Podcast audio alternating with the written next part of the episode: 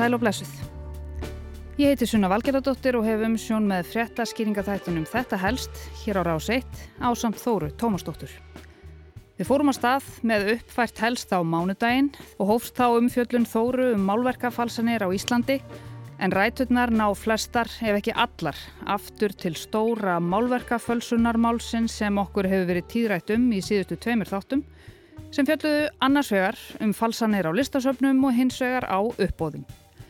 Í dag lítur Þóra í baksín í speilin og skoðar upphafið að þessari ringa vittlesu. Hún ræðir við nöfnu sína og kollegu sem skupaði málinu fyrir rosalega mörgum árum og henni var heldur betur refsað fyrir það.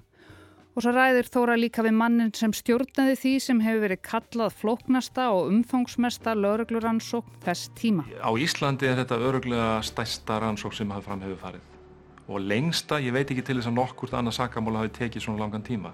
En svo eru auðvitað ákveðinir aðarleikarar sem fylgja málinu í gegnum árin eins og til dæmis þessi. Sömu menn fá að halda áfram með uppbúrshús, með galleri og það er engar aðdóðsendir eftirfylgni fylgiður eftir. Ólafur Ingi Jónsson forvörður gefst ekki upp sem er gott. Þá væri Þóra líklega ekki að fara á stað núna með þriðja þátt þetta helst um málverkafalsanir á Íslandi. Nú höfum við heyrt minnst á nokkra af helstu personum og leikendum í hennu risastóra og endalösa fölsunamáli. Og hvað var stóra fölsunamálið? Svona hraðsóðið þá getum við sagt að það hverfiðist um starfsemi Galerísborgar sem kifti og seldi listaverk.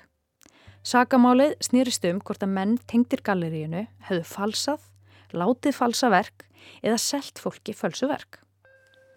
Allt hófst þetta með pressumálinu svokallaða frá árunnu 1990 þegar fyrst var fjallað um grunnsamleg verk og viðskiptahætti sem tengdust Galleri Borg. Forsvarsmenn Gallerísins stemdu bladamönnunum sem skrifuðu greinina fyrir miðurði. Málið tók óra tíma í kerfinu en niðurstaða hæstarættar var svo að bladamennir væru sekir um meðurði og skildu greiða 800.000 krónur. Þetta var auðvitað rosalega þungt högg. Þetta var fyrsta alvöru fréttamáli mitt Sjö árum eftir umfjöllum pressunar lagði Ólaf Ringi Jónsson, forverður, inn kæru til lauruglunar vegna nokkura verka sem hann taldi vera fölsuð. Það mál fór fyrir hérastóm og hæstarétt og endaði með því að Pétur Þór Gunnarsson, starfsmæður Gallerísborgar, var dæmtur í sex mánada fangelsi. Hann var sakveldur fyrir fjársveik, bókaldsbrott og fyrir að selja verk með rángri höfundamerkingu og þar með blekja kaupendur. Pétur Þór var dæmtur. Hann var dæmdur í sex mónuða fangelsi á Kvíabryggju. Eftir mikið hafari bæði í listheiminum og í fjölmjölum bárust lauruglu sífælt fleiri kærur vegna listaverka sem seld voru hjá Galleri Borg. Máli tegði ánga sína víða til Danmerkur og einn á fjölmörk heimili landsins. Loks var hið eiginlega stóra málverka fölsunamál tekið fyrir bæði í héræði og hæstarétti. Endanlega nýðustæða domstóla var að henni grunuðu Pétur Þór Gunnarsson og Jónas Freidal skildu ekki sæta refsingu. Málið fjall á því að bæði kærendur og helstu sérfræðingar sem gáfu álit sitt á verkunum tengdust með einum eða öðrum hætti listasafni Íslands. Það þótti alls ekki viðunandi að hagsmuna aðilar sætu svona begja vegna borðsins og því vildi domstólinn alls ekki nota álit þeirra til að úrskurða um sekt sagbortningana. Þess ber þó að geta að álitskjöfunum við dóminn bar í grófum dróttum saman um að verkin væru fölsuð. Málið var lengsta, umfangsmesta og dýrasta laurugluransókn sem upphafi komið á Íslandi. Ég veit ekki betur en að þetta sé stæsta málverka fölsunar mál á Norðurlandunum og líklega Evrópu. Úlvar í Galleri Borg laug um rannsóknir á málverkum. Þessi forsýðu frétti í vikublaðinu pressunni var undanfari og upphaf stóra málverkafölsuna málsins. Pressan var svona gula pressa þess tíma, svo litiði anda útlensku gödublaðana, yfirlýsinga glatt og kvast. Þar var því sleið upp að Úlvar Þormóðsson, starfsmæður Galleri Sporgar, hefði logiði að rannsóknir hafi verið gerðar á málverkum eftir Sigurd Guðmundsson málara. Verkin sem umrætti voru í eigu Þorvaldar í síld og fisk sem við höfum gert skil í síðustu tveimur þáttum. Hefur aldrei farið upp á það? Endilega farið upp og það er mjög skemmtilegt. Pressan fullirti að fleiri dæmi væru um vafasum málverk eða viðskiptahætti Gallerís borgar. Útgangspunkturinn í þessari grein var að tvær myndir sem voru saðar að vera eftir Sigur Málar og uppbóðu Gallerís borgar að þær gætu verið falsaðar eða ekki það sem það væri sagð að vera. Þetta er Þóra Kristín Áskistóttir. Hún skrifaði fréttina á sínum tíma á samt rittstjóranum Kristjáni Þorvaldsinni en hann er nýlega látin. Þóra Kristín var þarna tiltulega nýbyrjuði í bladamennsku og var rétt rúmlega tvítug þegar hún fekk málið upp í hendurnar. Og þetta var auðvitað rosalega þungt högg, þetta var fyrsta alvöru fréttamáli mitt og ég veit að Kristján tók þetta mjög næri sér og það fylgd honum til dauða dags. Í greininni er fjallað um fullirðingar eigenda gallerís borgar, um að myndirnar hafi verið rannsakaðar. Sérfræðingar viðruðu evasemdir um að þær væru nógu góðar til að geta verið eftir Sigurd Málara. Sumulegðis greina Þóra Kristín og Kristján frá því að fleiri vafasama myndir hafi verið að dúka upp í kringum galleríið sem átt að vera til dæmis eftir Kjarval og Kristínu Jónsdóttur. Og það var rætt við fjöldafólks sem þekkja til. Þetta var ekkit grein sem var neitt kastað höndunum til. Í herbúðum Galleri Borgar var ekki tekið vel í þennan frettaflutning. Heldur greipi menn til þess ráðs að höfða meðirðamál gegn bladamönnunum tveimur. Þeim fannst þetta eflust bara mjög smart og velhefnu þökkun á þess að gera sér hendilega grein fyrir því hvað þeir voru að gera okkur. Málið vakti mikla aðtikli og var á allra vörum bæði hinn að meintu falsanir og svo auðvitað þótti einhverjum fréttaflutningur pressunar ansi dónalegur. Okkur var sér stemt og það var til þess að við máttum ekki fjalla frekar um málið og þurftum að taka til varna fyrir rétti. Og allt tók þetta langan tíma, heil fimm ár, þegar hæstiréttur hvaði loks upp sinn dóm.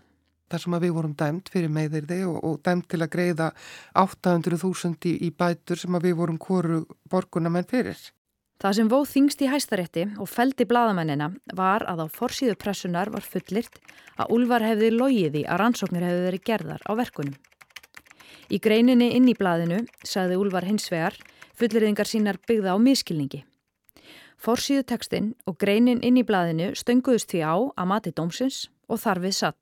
Ólafur Ingi Jónsson, forverður Listasaps Íslands og rauði þráðurinn í allri þessari sögu segir að strax þarna í upphafi hafi máli farið úr skorðum. Blaðmenni voru dæmdi fyrir að bera fram að hann lígur og þetta var svo viðkvæmt fyrir þá að það stæði framann á pressunni að Úlfa Þormórsson lígur.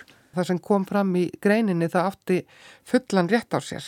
Þegar hann gerði nákvæmlega það, hann laug. Þetta var svona gamla Ísland og hópurinn í kringum gallerið leitt rosalega stórt á sig og fannst þeir vera ofsalega fínir og flottir menn. Þóra Kristín ítrekkar að það voru ekki bara bladamennir sem báðu tjón af málaferðlónum. Heldur bara líka þessi litli og skrítni listaverkaheimur landsins sömulegið skada af. Hún segir að falsanir verka hafi nánast fengið þarna frýtt spil og eiginlega bara helbriðisvottorð frá hæstarétti Íslands. Ef að það hefði ekki verið ákveðið að í rauninni að þakka þetta niður, að þá hefði kannski verið hægt að koma í vekk fyrir menningasögulegt slís. Engin vafi leikur á því að sakbortningar í stóra málverkafölsunamálinu fölsuðu sjálfur eða letu falsa þær myndir sem ákjartir fyrir. Þetta saði Jón Hábjörn Snorarsson, saksóknari ríkislauglustjóra, meðal annars fyrir dómi, þegar hann kallaði eftir refsingu þeirra Pétur Þórs Gunnarssonar og Jónasar Freital. Hann saði Pétur Þór hafa haldið upp í skipulaðri og kerfisbundinni brotastarfsemi í skjóli Galleris borgar, þar sem hann hafi blegt viðskiptavinni til að kaupa fölsuð málverk.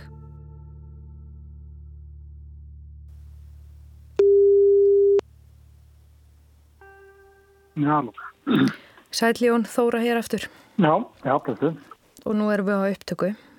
Já, Hvernig blasir það við þér að nú gætu verið í umferð eh, meint fölsuð málverk sem að jafnvel getur verið frá sama tíma og málverkafölsunamáli stóra?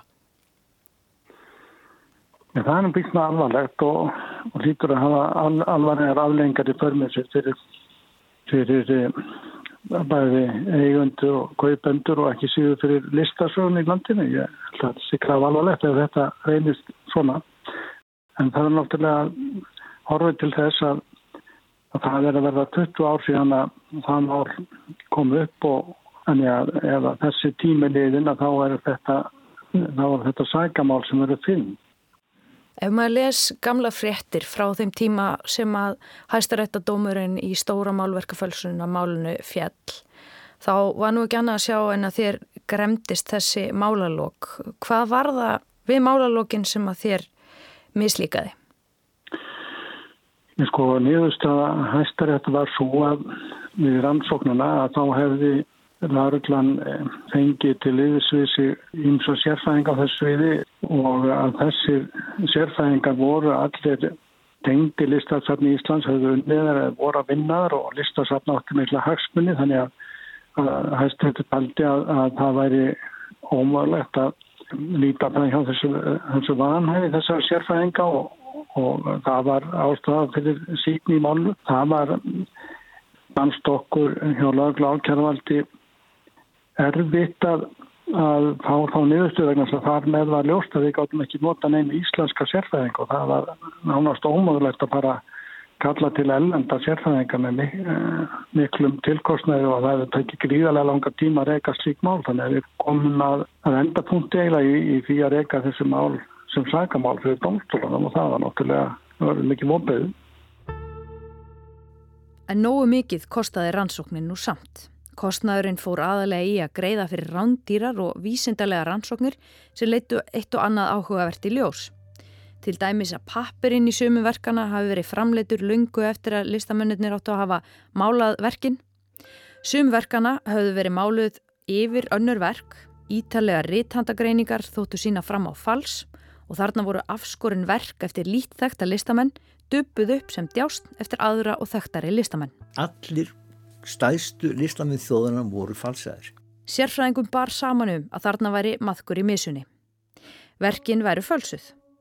Af gömlum fréttum að dæma virtust eiginlega allir ósáttir við málalókin. Lögraglan, sérfræðingarnir sem kom á rannsókninni, listheimurinn, kaupandur verkana, nema sagborningarnir Jónas Freidal og Pétur Þór Gunnarsson. Upp úr stendur er það að ég var síknaður og ég er samfærið um það að ef að hæstiréttur hefur haft já, einhver tök á því að sagfælla mig þá hefur verið gert það. Þeir voru náttúrulega undir miklum þrýstingi frá, já, ég veit ekki hvað að kalla það, menningar elitunni í landinu og, og uh, undir pólitískum þrýstingi líka þannig að ég er, ég er mjög sáttið þess að nöðustu. Þetta var Pétur Þór á rás 1 eftir að hæsturéttur hafði kveðið upp sinn dóm fyrir 20 árum síðan. Ólafur Ingi hefur aldrei sætt sér við þessa niðurstöðu.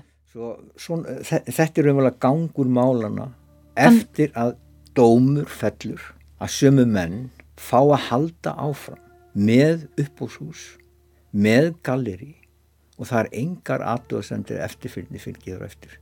En þú hefur aldrei sleppt takkina á þessu máli? Aldrei, já. En ég bara get ekki annað. Hvers vegna hefur það verið þér svona þungbart? Einfallega vegna þess að málið er svo augljóst og það skulle geta fengið sko niðurstöðu sem er ásættalega. Þetta er þess að Pétur Þór var dæmdur. Já. Hann var dæmdur í, minni, sex mónuða fangilsi á Kvíabryggju og hann náttúrulega leita á þessi sumafrí og, og, og bara pásu. En það málaði þar verk í hlöðinni og, eða fjárhúsinum og þau voru gríðala mörg, alveg eins og hann, hann svo vonu að vísa og helt síðan síningulega hann kom út. Saksóknarinn Jón Hábjörn Snorarsson var líka tekinn tali af Sveini Helgasinni fréttamanni eftir að hæstiréttur hafi síknað sagbortingana. Rannsóknmálsins stóð árum saman og kostaði um með yfir 50 miljónu króna. Spyrjum á hvort skattgreðendum finnist ekki uppskýran lítil en Jón svarar með því að vísa til þess sem hann tilur mat almennings á sekt eða saglís í málinu og síðan niðurstöðu hæstiréttar. Ég held að, að almenningu hljóti að, að velta fyrir sér því hvort að, að það sé mikið bíl á, á mati almennings á skinsamlegum vafa og mati domstóla á skinsamlegum vafa. Það er afar óverlegt ef, ef það er heiminn og haf þar á milli. Förum aftur í nútíman. Sami maður, 20 árum síðar.